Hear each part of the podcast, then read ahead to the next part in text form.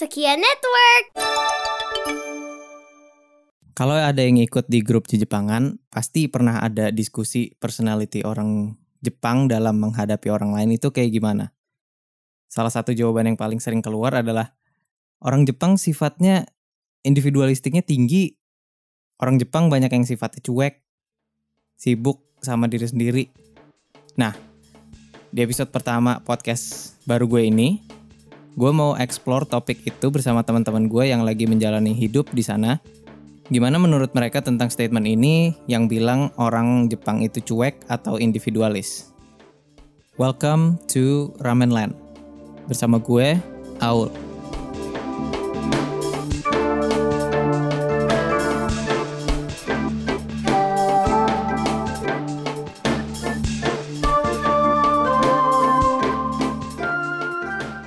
Gue mulai dari sini dulu deh. Apa sih arti individualis itu sebenarnya? Kenapa gue nanya ini? Soalnya sepengalaman gue, kalimat-kalimat kayak orang Jepang itu individualis banget, jadi nggak mikirin orang lain, banyak yang sibuk sama diri sendiri, dan yang lainnya itu. Yang gue tangkep adalah mereka mau bilang orang Jepang itu cuek. Nah sebelum kita bahas apa arti individualis itu sebenarnya, gue tanya dulu, jadi beneran cuek nggak sih orang-orang Jepang itu? Kalau kata gue sih society di Jepang sendiri malah rada cuek ya sebenarnya. Bener, bener banget.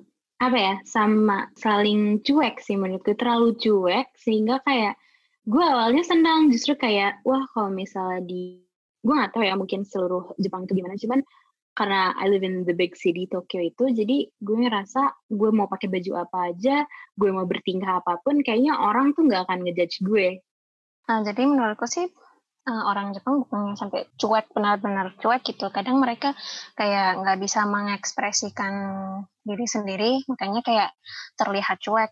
Tapi kalau misalnya kita butuh bantuan atau ada apa gitu, mereka pasti bantu gitu. Yang barusan tadi itu Daniel, Naomi, dan Yuki. Mereka teman-teman gue waktu tinggal di sana. Dan mereka sekarang masih di Jepang, menjalani hidup.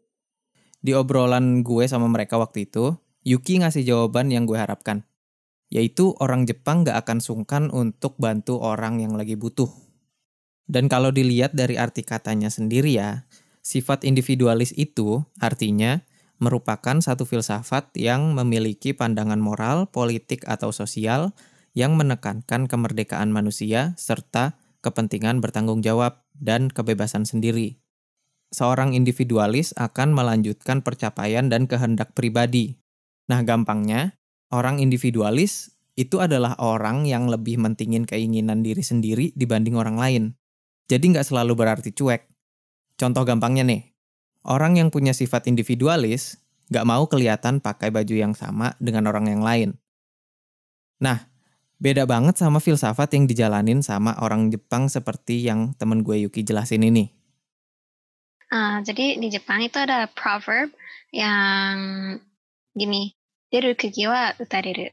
Uh, the nail that is sticking out will be hammered down. Jadi orang yang berbeda itu bakalan di eh, kayak nggak termasuk grup kita gitu, kayak dianggap berbeda. Jadi pokoknya semuanya harus sama gitu.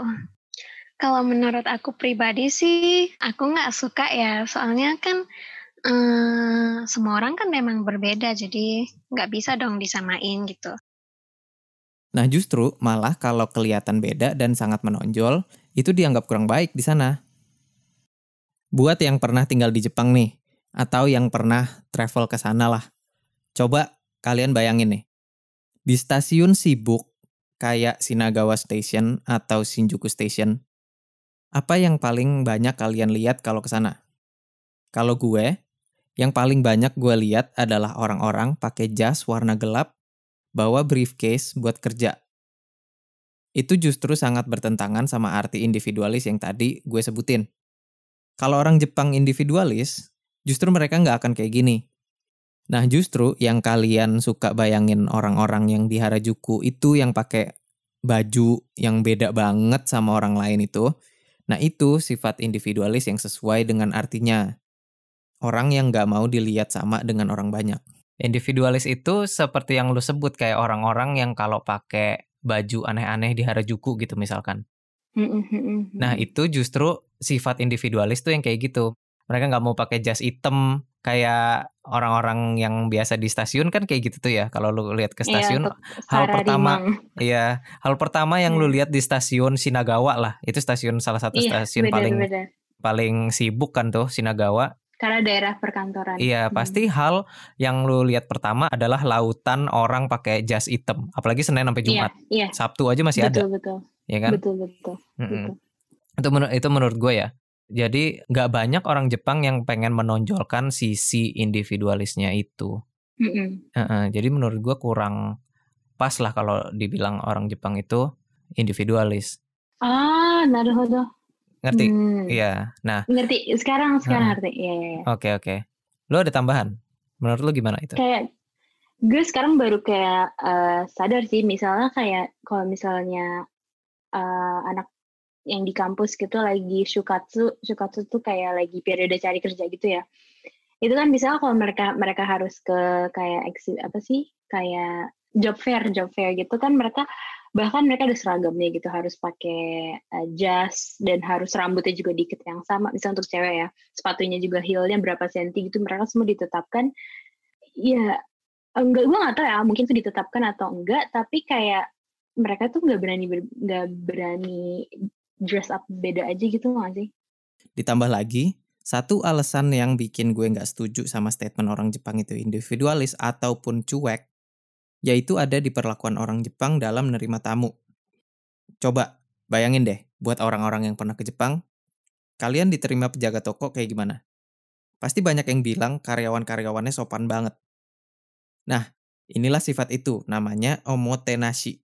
Omotenashi itu kayak mereka akan ngasih servis sebaik-baiknya kepada tamu gitu loh sih Cara kita mau welcome.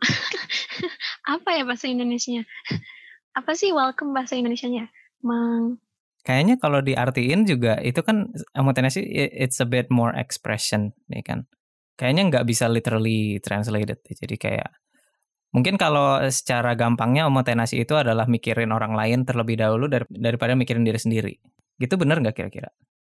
Hmm, ya bisa juga kali ya, tapi em, kalau menurutku sih lebih pergi ke kayak uh, how we welcome people.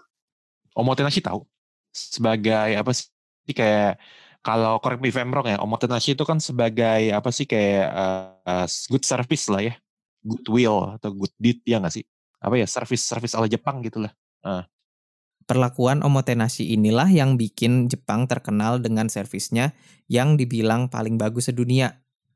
Karena mereka bukan lagi menganggap customer itu raja, tapi dewa. Oke kalau sama wa kami sama gitu. Atau our customer is our god. Gue pernah uh, kalau nggak salah gue lihat sebuah ini acara komedi sih acara komedi namanya Funniest Nihongo Gakko dan kalau nggak itu tahun lama banget 2002 2003 jadi ini MC-nya tuh pernah berkunjung ke sebuah perusahaan seluler uh, yang sangat besar banget lah di Jepang. Nah ketika itu mereka ngedrill salesnya ngedrill salesnya itu gini adalah apa misalnya menurut lo pada tamu ini apa? Dewa dewa dewa. Oke sama oke sama nanda. Kami sama kami sama kami sama gitu. Dan they took it seriously gitu. Even dan yang nggak heran mereka tuh rela bener-bener merendahkan diri mereka sendiri supaya buat tamu tinggi gitu. Ya itu gue setuju. Based on itu gue setuju. Nah, omotenashi dan itu gue ngerasa banget kayak eh, misalnya di convenience store, di restoran beda banget sama di Indonesia. Servisnya emang kayak customer itu adalah Tuhan gitu. Jadi ada istilahnya namanya oke sama kami sama. Jadi bener-bener eh, kita tuh di appreciate banget gitu kayak eh, mau minta apa aja dikasih. Jadi dan mereka juga menerima kita dengan senyum. Dan gue nggak tahu tapi itu ya senyum asli atau enggak. Tapi dalam kategori omotenashi itu apa ya senyum itu termasuk yang kayak menerima tamu dengan kayak with open arms gitu loh ngerti sih? Dan sifat omotenashi ini sudah ditanam ke orang Jepang ini sejak mereka kecil. Jadi emang udah refleks orang Jepang itu akan menerima tamu dengan sesopan-sopannya.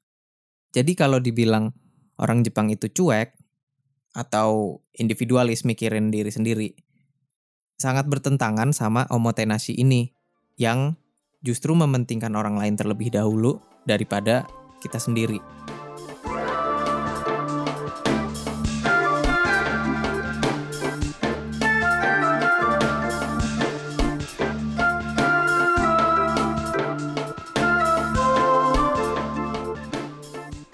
Nah, sifat sopan seperti omotenasi ini gak cuman berlaku di bisnis aja.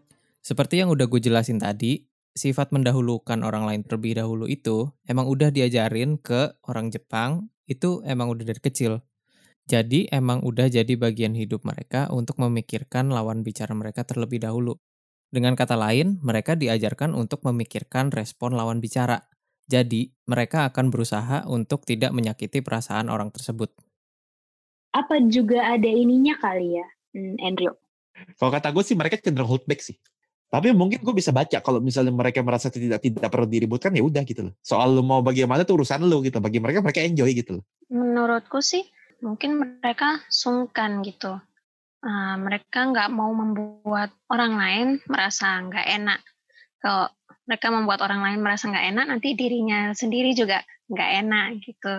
Kalau menurutku sih orang Jepang memang kayak kadang ragu untuk mengeluarkan pendapatnya sendiri, apalagi kalau misalnya berbeda dengan, dengan yang lain, karena mereka nggak mau ada bentrok gitu. Jadi daripada bentrok, mendingan itu diam aja.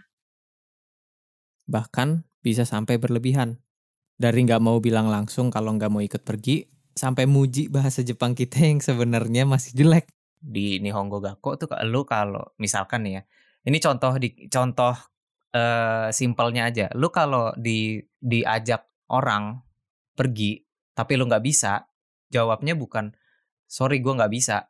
Jawabnya itu kayak coto gitu kan. Artinya kayak lain kali aja deh. Jadi kayak sampai segitunya aja mereka nggak mau uh, nyakitin perasaan orang lain. Artinya mereka mikirin orang lain terlebih dahulu daripada mereka ya kan. Kalau menurut gue ya, salah satunya karena mereka kan uh, yang penting uh, orang lain dulu ya dari mereka gitu. Jadi ya itu kayak coto, coto itu katanya sedikit itu.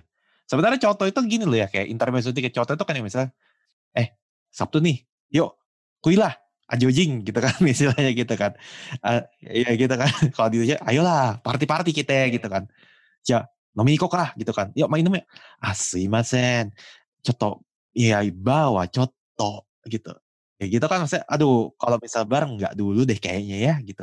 Sedikit uh, gimana gitu, itu cukup unik sih sebenarnya sih. Um, jadi kalau ada orang asing yang belajar bahasa Jepang, walaupun cuma bisa konnichiwa sama arigatou gozaimasu doang, itu bakalan dibilang, wah nih Hongkong main eh bagus banget bahasa Jepangmu. uh, selain itu juga ini, misal kayak, ya tadi lo bilang kan, untuk kayak diperhalus gitu nggak sih biar tidak menyakiti perasaan lawan bicara itu dengan misalnya gini kayak lo ditanya gitu suka nggak film Jepang? Gitu kayak jawabannya nggak boleh kirai. Nggak boleh benci iya nggak sih? Kayak abmari sekijanai. Bilangnya harus yang kayak hmm, nggak hmm, begitu suka sih gitu loh harus yang. Dan gue di situ ngerasa bahasa Jepang tuh pakai perasaan banget ya nggak bisa yang kayak kirai des gitu. Orang up kalau misalnya menurut gue kayak Western culture pasti kayak nggak ada tuh yang kayak diperhalus itu kalau nggak suka ya udah nggak suka kirai des ada lagi yang gue temuin juga, orang Jepang itu sangat mementingkan privasi orang lain. Orang Jepang itu sangat menghargai space sih sebenarnya sih. Itu juga space lah. Ini gimana ya? Ini gue takjub sih. Gue jadi pernah waktu itu kan lagi ada kayak semacam acara meetup gitu ya. Meetup di organisasi tapi. Ya organ gue sih pendatang. Maksudnya pendatang dalam artian bukan member. Nah member-membernya tuh udah pada dekat gitu kan. Misalnya si Yuka, katakanlah si Yuka nih. Yuka nggak bisa datang gitu. Yuka selalu datang ke mana pun mereka, tetapi Yuka kali itu nggak bisa datang. Gue tanya, Yuka ke mana? Oh Yuka cabut hari ini nggak bisa. Oh gitu. Dan orang lainnya, oh oke okay, gitu. Yang privacy menurut gue mereka nggak akan nyentuh sama sekali. Kal kayak unless gue cerita ke mereka duluan ya. Dan jadinya gue waktu itu gue pernah nih di kuliah uh, nanya gitu ke teman, eh gimana punya cowok ya gitu. Terus dia bilang kayak, eh kamu hati-hati ya ngomong kayak gitu, uh, soalnya orang Jepang uh, ini privacy menurut orang Jepang jadi it's better be careful next time kalau misal mau nanya hal-hal kayak itu gue jadi kayak Ups. eh, sama kayak gue dulu waktu di Nihongo Gakko, hal pertama yang diajarin juga itu adalah jangan nanya umur, apalagi ke cewek. Iya, iya, iya.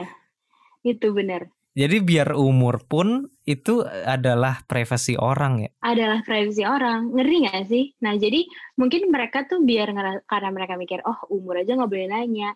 Umur menurut gue itu kayak, kalau menurut gue itu nggak masalah ya. Cuman berarti ternyata menurut orang Jepang itu privacy. Jadi menurut gue orang Jepang itu ngambil kayak ya udah mereka menurut mereka cari aja topik yang aman. Ngerti gak sih? Jadi mereka itu nggak berani eh, untuk nanya-nanya hal yang kayak lebih eh, dalam gitu. Mereka ya udah jadi gue baru menyadari juga mereka ngomongnya hal-hal yang di surface aja gitu misalnya tentang keseharian kayak oh ya kemarin tidur jam segini gitu nonton anime ini Jadi mungkin gara-gara ini jadi banyak yang ngira orang Jepang itu nggak peduli sama orang lain. Padahal mereka tujuannya untuk menghargai privasi.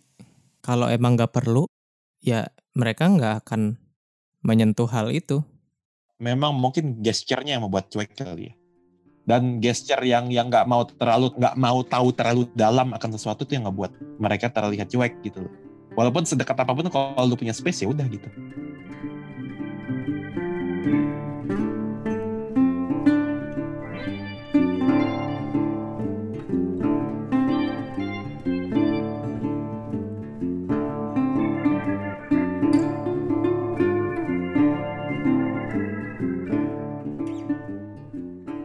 Jadi berdasarkan apa yang gue alamin waktu tinggal di sana dan yang gue diskusiin di sini sama teman-teman gue, Jepang itu kurang pas aja kalau dibilang orang-orangnya punya sifat individualis yang tinggi, apalagi cuek. Menurut gue sih, nggak mungkin negara dengan orang-orang yang cuek bisa dapat predikat negara dengan servis terbaik di dunia. Tapi itu semua tadi ya pendapat gue dari hasil diskusi sama teman-teman gue. Kalau ada yang gak setuju ya nggak apa-apa. Gue nggak mau maksain opini gue juga. Gue cuma mau sharing pemikiran gue aja. Soalnya setiap gue dengar orang Jepang itu punya sifat individualisnya tinggi atau cuek, gue selalu ngiranya kalimat itu diucapin dalam konteks yang jelek. Yang padahal sebenarnya ada maksud lain atau cara mereka sendiri untuk menghargai orang lain.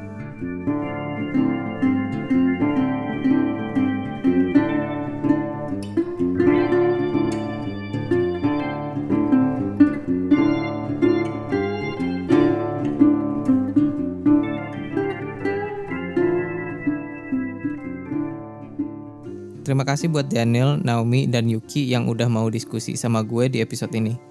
Kalian bisa cek Instagram mereka di Daniel Hyde 69 untuk Daniel, Naomi Arifin untuk Naomi, Jade underscore Rich 8 untuk Yuki. Daniel sama Naomi juga punya podcast masing-masing. Diaspora Clustery punyanya Daniel, dan Naomi hari ini punyanya Naomi. Kalau Yuki ada YouTube channel yang bisa kalian tonton. Namanya Yuki Jade. Gue Aul, kalian bisa cek Instagram gue kalau ada yang mau say hi di Rizky Auls dan bisa cek podcast gue yang satu lagi muka layar. Cek Sekian Network di Instagram dan klik link yang ada di bio untuk dengar podcast teman-teman gue yang lain. Jane!